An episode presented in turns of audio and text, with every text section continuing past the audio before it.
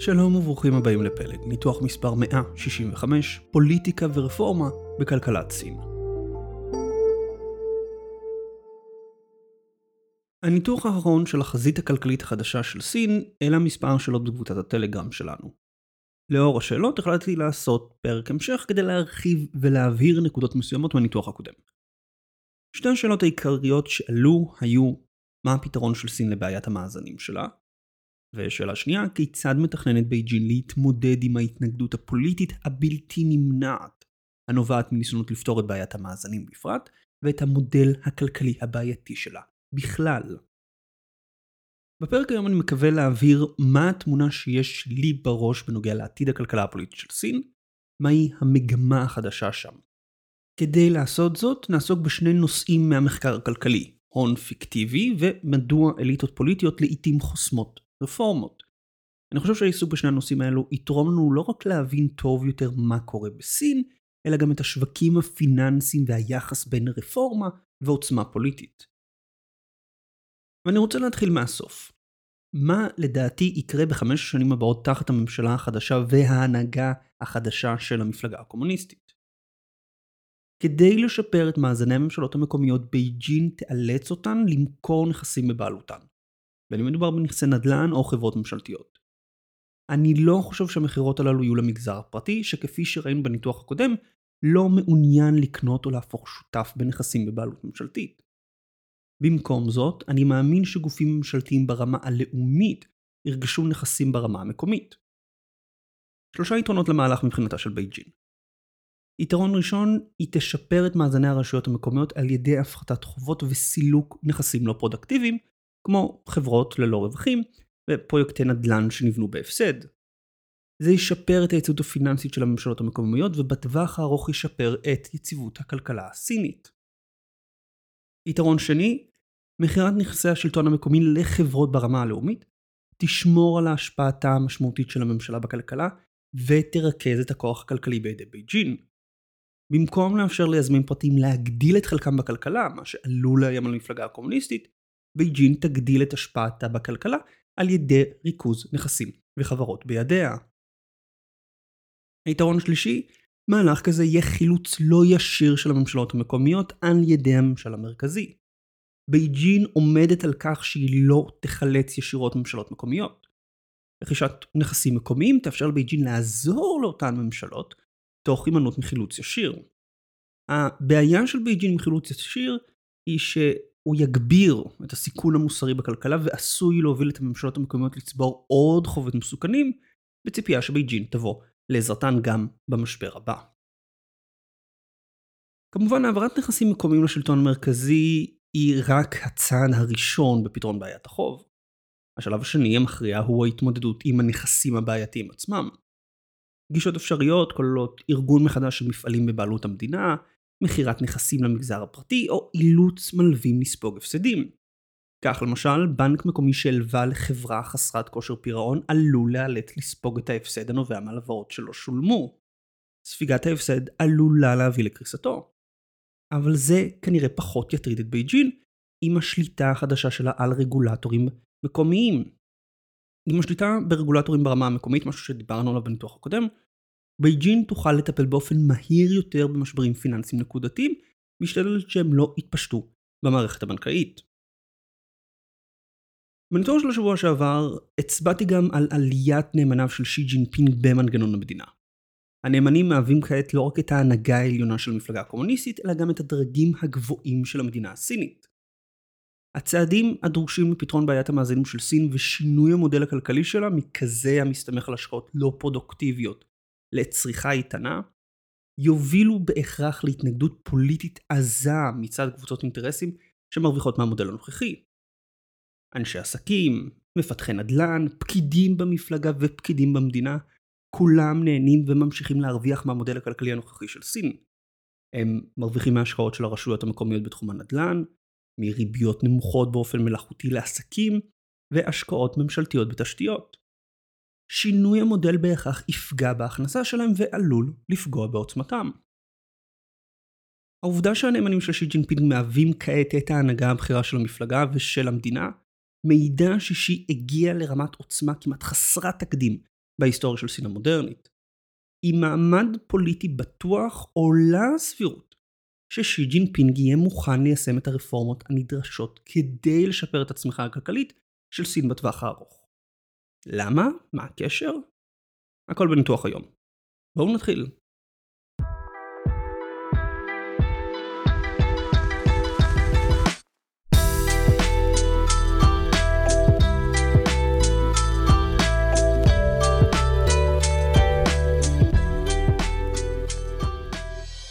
הכלכלן ג'ון קנט גלברייט טבע את המונח בזל כדי לתאר את ההון שנוצר במסגרת מעילה. מכיוון שאין מונח חלופי למושג בעברית, אקרא לו כאן הון פיקטיבי. במעילה, שני הצדדים מרגישים עשירים יותר. המועל מרגיש עשיר יותר משום שהוא גנב כסף, בעוד שהקורבן מרגיש עשיר משום שהוא לא מודע לכך שכספו נגנב. לדוגמה, בתרמית פונזי, האדם המפקיד את כספו אינו יודע שכספו נגנב עד שהמזימה נחשפת. הוא מאמין שההשקעות שלו עדיין קיימות ונגישות, ושהוא מרוויח תשואה נאה עליהן. שני הצדדים מרגישים עשירים יותר, למרות שאין באמת שינוי במצב הפיננסי המשולב שלהם. הרמה ישיר ב-100 דולר שאותם הוא גנב מהקורבן. לא נוצר הון חדש. גלברייט טוען כי בתקופות של שגשוג וצמיחה כלכלית, כמות ההון הפיקטיבי גדלה. הסיבה לכך היא שאנשים פחות זהירים לגבי ההוצאות שלהם ויותר להוטים להשקיע את כספם. לרמאים קל יותר למשוך כספים, והאמון הכלכלי בשוק גבוה. עם זאת, כאשר מסתיימת תקופת הצמיחה והשוק מתכווץ, מתגלה ההון הפיקטיבי. החשדנות עולה ואנשים הופכים ביקורתיים יותר לגבי המקום שבו הם מניחים את כספם. אנשים פתאום מנסים למשוך את ההשקעות שלהם ומגלים שגנבו את כספם. צ'רלי מנגר הרחיב את הרעיון של הון אפקטיבי מעבר להונות פיננסיות לכל מצב שבו קיים פער זמני בין הערך הכלכלי הריאלי של תיק נכסים לבין הערך הנתפס של אותו תיק. מנגר מוכר כסגן יושב ראש ברקשר האטווי, הקונגלמורט בראשותו של וורן באפט. התיק יכול להיות מורכב ממניות, אגרות חוב או חסכונות בתרמית פונזי. ככל שהערך הנתפס של התיק עולה, הוא מייצר הכנסה למרות שיכולת ההכנסה לטווח ארוך של הנכס אינה גדלה. כאשר ערכו של נכס עולה ללא שינוי בערך הכלכלי הבסיסי שלו, יכולתו לייצר הכנסה בעתיד, המשק לא משתפר, אך תפיסת העושר של בעל נכס עולה. עם זאת, ההשפעה היא זמנית. בשלב מסוים מחיר הנכס והערך האמיתי שלו יתכנסו. אבל עד אז השווקים הפיננסיים יוצרים תחושת עושר שמובילה לעלייה זמנית בצריכה. קל להבין זאת מהמקרה הפשוט של תרמית פיננסית. בתרמית פיננסית הצריכה גדלה משום שהגנב רואה גידול בהכנסה, הוא בכל זאת גונב, והקורבן אינו יודע שההון שלו קטן. הקורבן אינו מקטין את הוצאותיו, בעוד הגנב מגדיל את שלו. בשלב כלשהו ההונאה מתגלית וההון אפקטיבי נמחק. הגנב מאבד את כספו, שנלקח על ידי הרשויות, ואלו שהוטעו מפחיתים את הצריכה כדי לפצות על אובדן ההון. חיסול ההון הפיקטיבי מביא לירידה בצריכה. ירידה שעלולה להיות גדולה יותר מהצמיחה הראשונית כעת שני הצדדים. גם הגנב וגם הקורבן מצמצמים את הצריכה שלהם. במקרה של נכסים פיננסיים המנגנון טיפה מורכב יותר. המחיר של נכס יכול לעלות ללא עלייה מתאימה ביכולת העתידית שלו לייצר הכנסה. העלייה במחיר הנכס מגדילה את תחושת העושר של בעל הנכס ומייצרת הכנסה חדשה, על אף שאין שינוי יסודי בכלכלה. לדוגמה, אם חברת השקעות לוקחת דמי ניהול כאחוז משווי התיק, גידול בתיק משמעותו גידול בהכנסות החברה, בבונוסים השנתיים שהיא נותנת ובמשכורות של העובדים שלה. ההון הפיקטיבי שנוצר על ידי גידול במחיר הנכס, הופך לגידול בצריכה של עובדים בתעשייה הפיננסית, שבתורם מגדילים את ההכנסות והצריכה של תעשיות אחרות. מסעדות, מלונות, חנויות אופנה, ועוד. גם הבעלים של התיק, גם הוא מגדיל את הצריכה, כי הוא חש עשיר יותר. כשמגמת השוק מתהפכת, והערך של הנכסים מתכווץ חזרה לערך הכלכלי האמיתי שלהם, ההון אפקטיבי נהרס. החברה חותכת במשכורות, והבעלים של התיק גם הוא מצמצם צריכה עקב הירידה בשווי שלו. נכון שאולי הוא לא סופג הפסד ממשי כמו בתרמית פונזי, הקרן שלו לא נפגעת, אך תחושת האושר שלו נעלמת.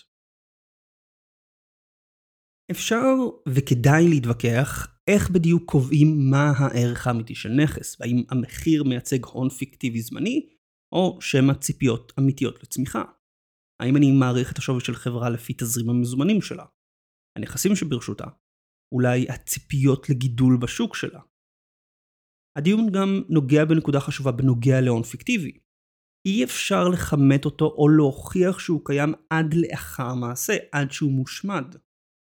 אני לא יודע שחברת הזנק בשווי 10 מיליארד דולר היא תרמית, עד שהתרמית תיחשף. אני יכול לחשוד שהיא תרמית, אני יכול להימנע מלשים בה את כספי, אך ההון הפיקטיבי שנמצא בתמחור שלה לא ייהרס עד שהתרמית לא תיחשף. דוגמה אחרת הן בועות.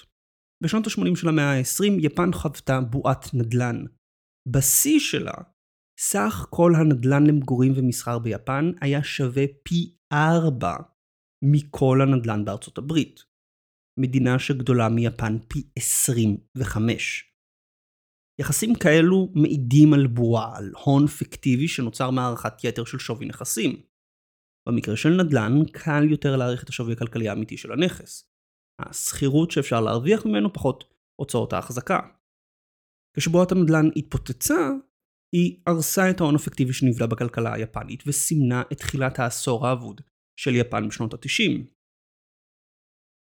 דוגמה שלישית היא פעילות כלכלית לא פרודקטיבית, דוגמת ההשקעה בתשתיות בסין. ההשקעה נרשמת כגידול בתמ"ג, אך אינה מחזירה את עצמה. במקרה של חברות פרטיות עם אילוצי תקציב נוקשים, פעילות כזו לא יכולה להימשך זמן רב. אם בניתם קו רכבת הפסדי, בשלב כלשהו תצטרכו או למכור את הקו, או לפשוט את הרגל. המכירה כנראה תיעשה בהפסד, אתם תספגו אותו ותיאלצו לצמצם השקעות והוצאות עד שתוכלו לכסות את ההפסד. ההון הפיקטיבי שנוצר עם בניית הקו ייהרס על ידי המכירה שלו או פשיטת הרגל שלכם. במקרה של גופים ממשלתיים עם אילוצי תקציב גמישים יותר, המקרה כבר לא כל כך פשוט. כפי שראינו בניתוח הקודם, חברות ממשלתיות סיניות נהנות מהלוואות בתנאים טובים בהרבה ממה שמוצדק על פי הרווחיות שלהן, או כושר הפירעון שלהן. הן יכולות לבנות קו רכבת הפסדי, ולהמשיך לתפעל אותו הודות לתמיכה ישירה או עקיפה של הממשלה. ההון הפיקטיבי שנוצר לא מושמד, והחברה צריכה לקחת עוד ועוד חוב כדי לקיים אותו.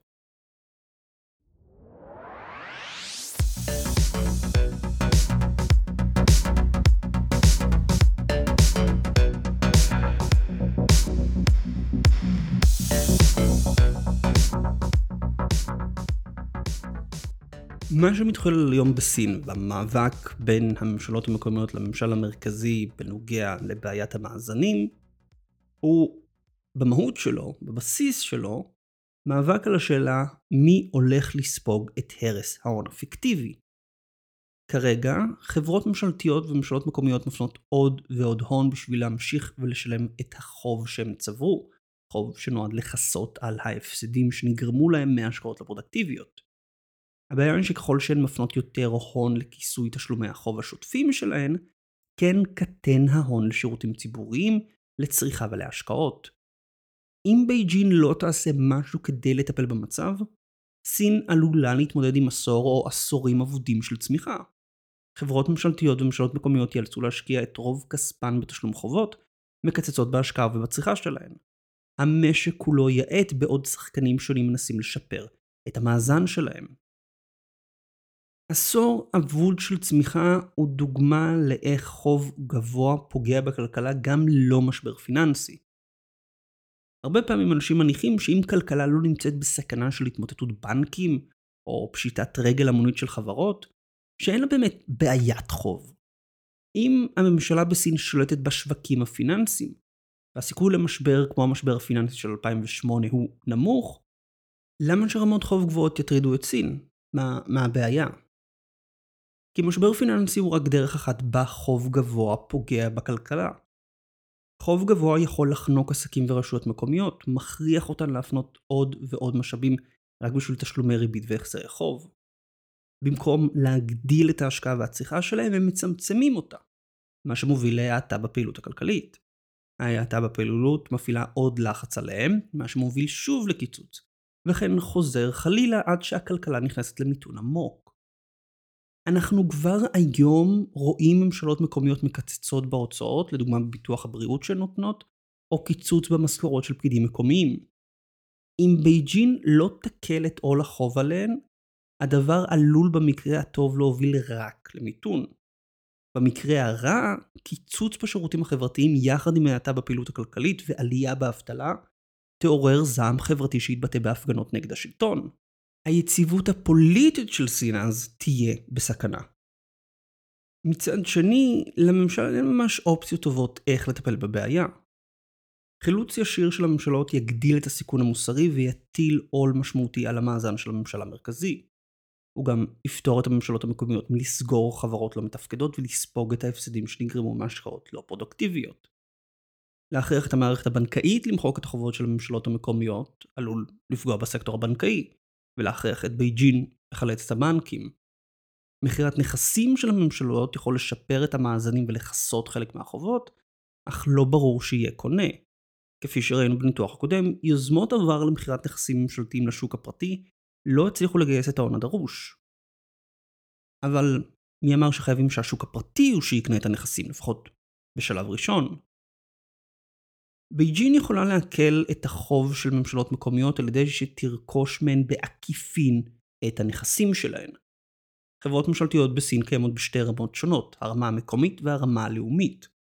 בייג'ין יכולה להכריח ממשלות מקומיות למכור לחברות שלה, לחברות הלאומיות, ולדרוש שהכסף ישמש כדי להחזיר את החוב למערכת הבנקאית שגם היא נשלטת על ידי הממשל המרכזי. מהלך כזה ישמור על ההשפעה של הממשלה בכלכלה, יקל את עול החוב על הממשלות המקומיות, ויעשה זאת ללא חילוץ ישיר מצד בייג'ין. עם שליטה טובה יותר ברגולטורים הפיננסיים ברמה המקומית, בייג'ין גם תוכל לעקוב טוב יותר כיצד משמש הכסף, מבטיחה שהוא משמש כדי לשלם חובות, ולא כדי לקחת עוד חובות. כמובן, רכישת הנכסים תהיה רק השלב הראשון בפתרון הבעיה. חברה לא רווחית היא חברה לא רווחית, לא משנה מי הבעלים שלה. שכונת מגורים שנבנית בהפסד היא עדיין שכונת מגורים שנבנית בהפסד. בשלב השני בייג'ין אולי תרצה לעשות הבראה לחלק מהנכסים, למשל דורשת מבנקים מקומיים למחול חלק מהחובות בבעלותם. במקרים אחרים היא אולי תנסה למכור את הנכסים לשוק הפרטי, או להעביר אותם לחברות בבעלותה. מי שידרשו לספוג את העלויות של התהליכים הללו יהיו כנראה הממשלות המקומיות. מחילת חובות עלולה להביא לקריסה של בנקים מקומיים, ובתרחיש כזה סביר שבייג'ין תכריח את הממשלות המקומיות לשלם על ביטוח פקדונות הבנקים. סגירת חברות מקומיות ומכירתן תפגע בפעילות הכלכלית במחוז, וזינוק באבטלה. החוב בכלכלה ירד תוך ספיגה של הפסדים על ידי הממשלות המקומיות. האתגר של בייג'ין יהיה הביצוע. יותר מדי לחץ על ממשלות מקומיות עם קשיי נזילות והן עלולות לקרוס. להפסיק לחלוטין תשלומי משכורות והוצאות חברתיות. בייג'ין רוצה להקל מעליהן את החוב ולאפשר להן באופן מדוד לספוג את השמדת ההון הפיקטיבי שלהן. יותר מדי לחץ גם יפגע בצמיחה הכלכלית. למען האמת, כל לחץ יפגע בצמיחה הכלכלית. השאלה היא האם בייג'ין מוכנה לכך.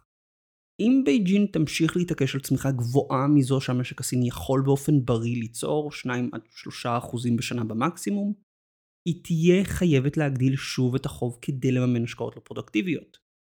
סין צפויה השנה לצמוח בקצב של 5 אחוזים, מה שייתן לבייג'ין מספיק מרווח להתחיל את הטיפול בהון הפיקטיבי במערכת. ב-2024 כבר לא בטוח שתהיה צמיחה כזו, ולבייג'ין לא תהיה האפשרות גם לטפל בבעיית החוב וגם לשמור על צמיחה גבוהה. המכירה של נכסי הממשלות המקומיות והדרישה שיספגו את העלויות של פשיטת רגל והתמוטטות הבנקים בהכרח יעוררו התנגדות פוליטית. המערכת הפוליטית של סין לא פטורה מקבוצות לחץ. אנשי עסקים שהרוויחו מפעילות הממשלות, פקידים שהפיקו רווח מהחברות הממשלתיות, מנהלים בכירים שלפתע ימצאו עצמם ללא עבודה עקב קיצוצים ומיזוגים, כולם התנגדו למהלכים האלו. וההתנגדות הפוליטית של גורמים כאלו הייתה מספיק אפקטיבית כדי לחסום את יוזמת מס הרכוש של שי ג'ינפינג בסוף 2021. אז למה שהפעם היא לא תצליח לחסום שינויים כל כך דרסטיים במאזן הכוח בין הממשלות המקומיות והממשל המרכזי.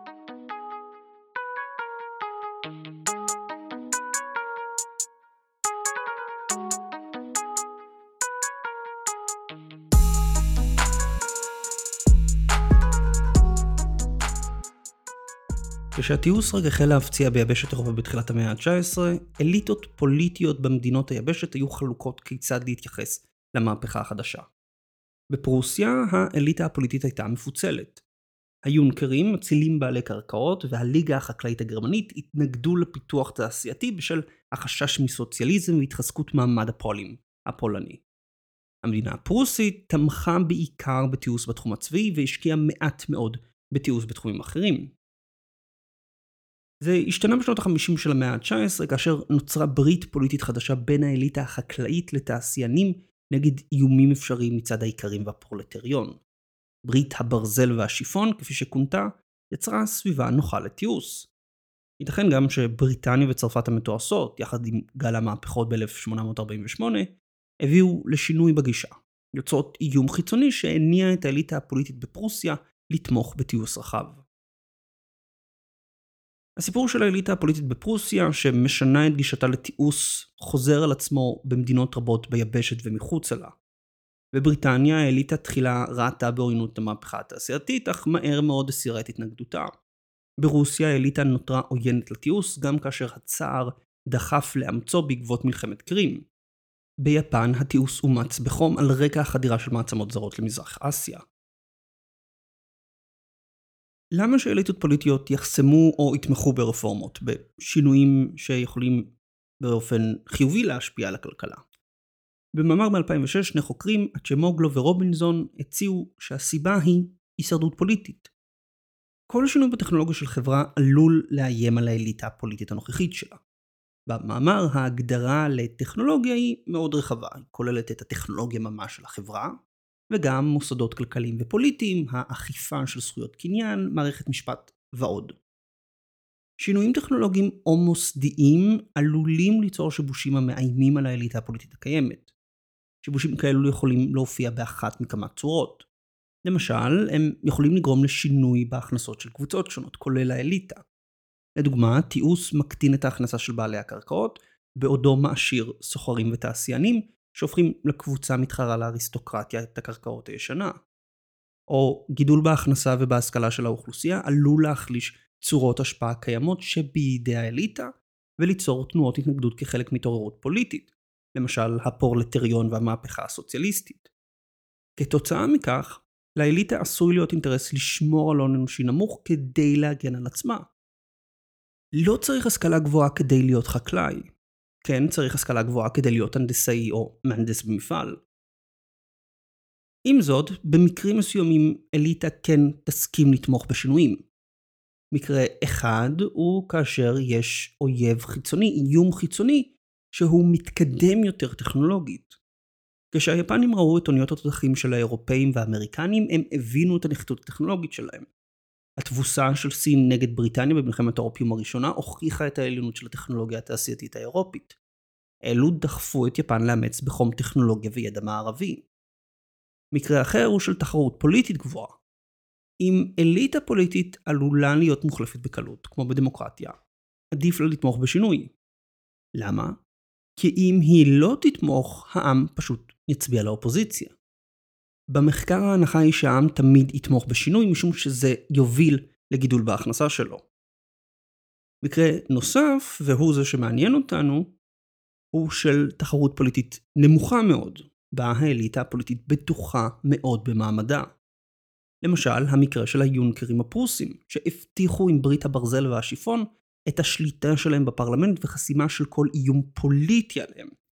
בטוחים במעמד שלהם, היונקרים הסירו את התנגדותם לתיעוש המדינה.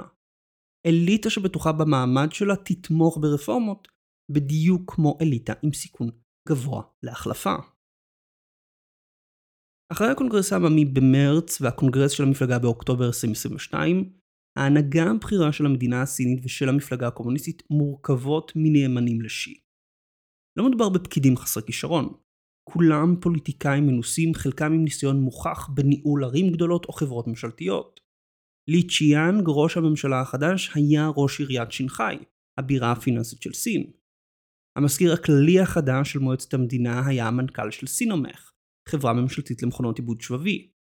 כפי שצ'ן גלי מראה, במאמר שאתם מוזמנים לראות בביבליוגרפיה, לרוב החברים הבכירים יש ניסיון גם בצד הפוליטי וגם בצד הניהול הכלכלי. העובדה שהם נאמנים לשי היא לא לרעתם, להפך. משום שהם נאמנים לשי, הוא כנראה ייתן להם חופש פעולה גדול יותר ואת תמיכתו בהתנגשות עם פוליטיקאים מקומיים. בעוד הממשלות הקודמות הורכבו מנאמנים ויריבים לשי, ההומוגניות של ההנהגה הנוכחית יכולה להקל עליה לקדם רפורמות חשובות.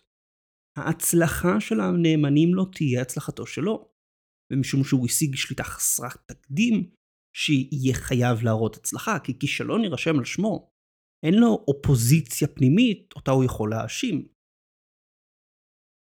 לבסוף, המאמר של הצ'מוגלו ורובינזון מצביע על כך שדווקא עכשיו, אחרי ששי השיג מעמד חסר תגידים במפלגה ובמדינה, גדל הסיכוי לרפורמות. עם מעמד בטוח שי לא יחשוש לצאת נגד האליטות המקומיות ונגד קבוצות בחירות ברמה הלאומית. שי כבר לא צריך לחשוש מהדחה אפשרית בקונגרס המפלגתי, או מרד בתוך הממשלה. יש לו לכל הפחות ארבע שנים לנסות וליישם את האג'נדה שלו, עד לקונגרס המפלגתי ה-21. אבל יש שתי שאלות. מה יהיה היקף הרפורמות הכלכליות שיבצע? והאם בייג'ין תהיה מוכנה לספוג את הכאב הכלכלי שיתלווה אליהן?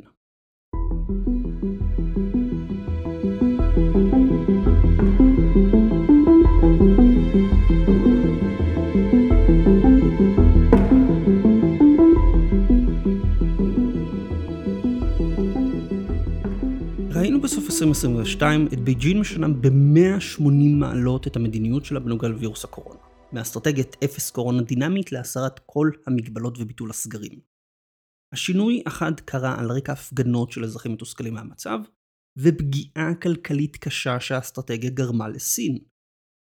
ניסיון של בייג'ין לטפל במאזנים החלשים של הממשלות המקומיות קרוב לוודאי יעשו פגיעה דומה בצמיחה הכלכלית.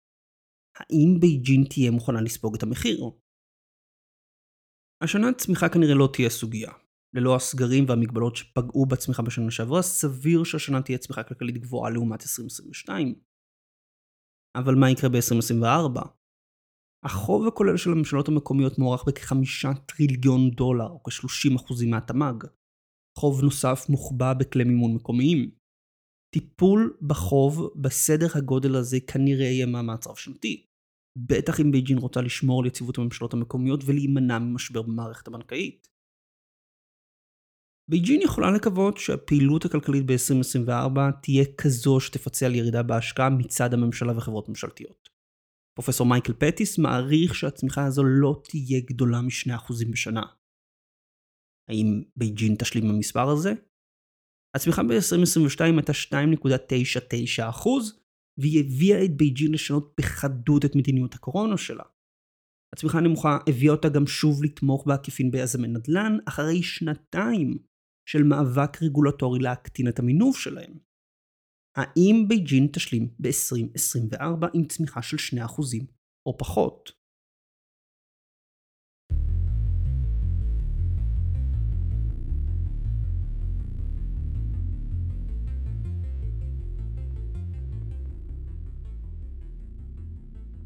סין יכולה לנסות ולהגדיל את הצמיחה באמצעות תמיכה בצריכה הפרטית. היא הכריזה בעבר והיא ממשיכה להכריז שהיא מתכוונת לעשות זאת. השנה ובשנה שעברה ראינו בעיקר צעדים שתמכו בצד הייצור, בצד ההיצע. בייג'ין רגילה לתמוך בצד הזה אחרי עשור של השקעות שהלכו למפעלים, תשתיות ונדל"ן. עדיין לא ראינו שום צעד משמעותי לתמוך בהכנסה של משקי בית ולתמוך בצריכה. אולי הצעד הזה הגיע, אולי לא. תרחיש אפשרי הוא שבייג'ין תלחץ על הממשלות המקומיות לטפל במאזנים שלהן, ותלחץ עליהן להמשיך ולעמוד ביעדי צמיחה שאי אפשר להשיג אלא באמצעות חובות. בתרחיש כזה כל הרפורמות הדרסטיות של בייג'ין הסתכמו בלהזיז מים בים. בייג'ין תוציא חוב מהמאזן של הממשלות ותיאלץ, ישירות או בעקיפין, לאפשר להן להכניס עוד חוב במקביל. עד כמה שזה נשמע אבסורדי, אם שי ג'ינפינג לא יהיה מוכן לסבול צמיחה נמוכה, בעיית החוב של סין, בעיית המאזינים של סין, לא תיפתר. תודה לכם על ההקשבה.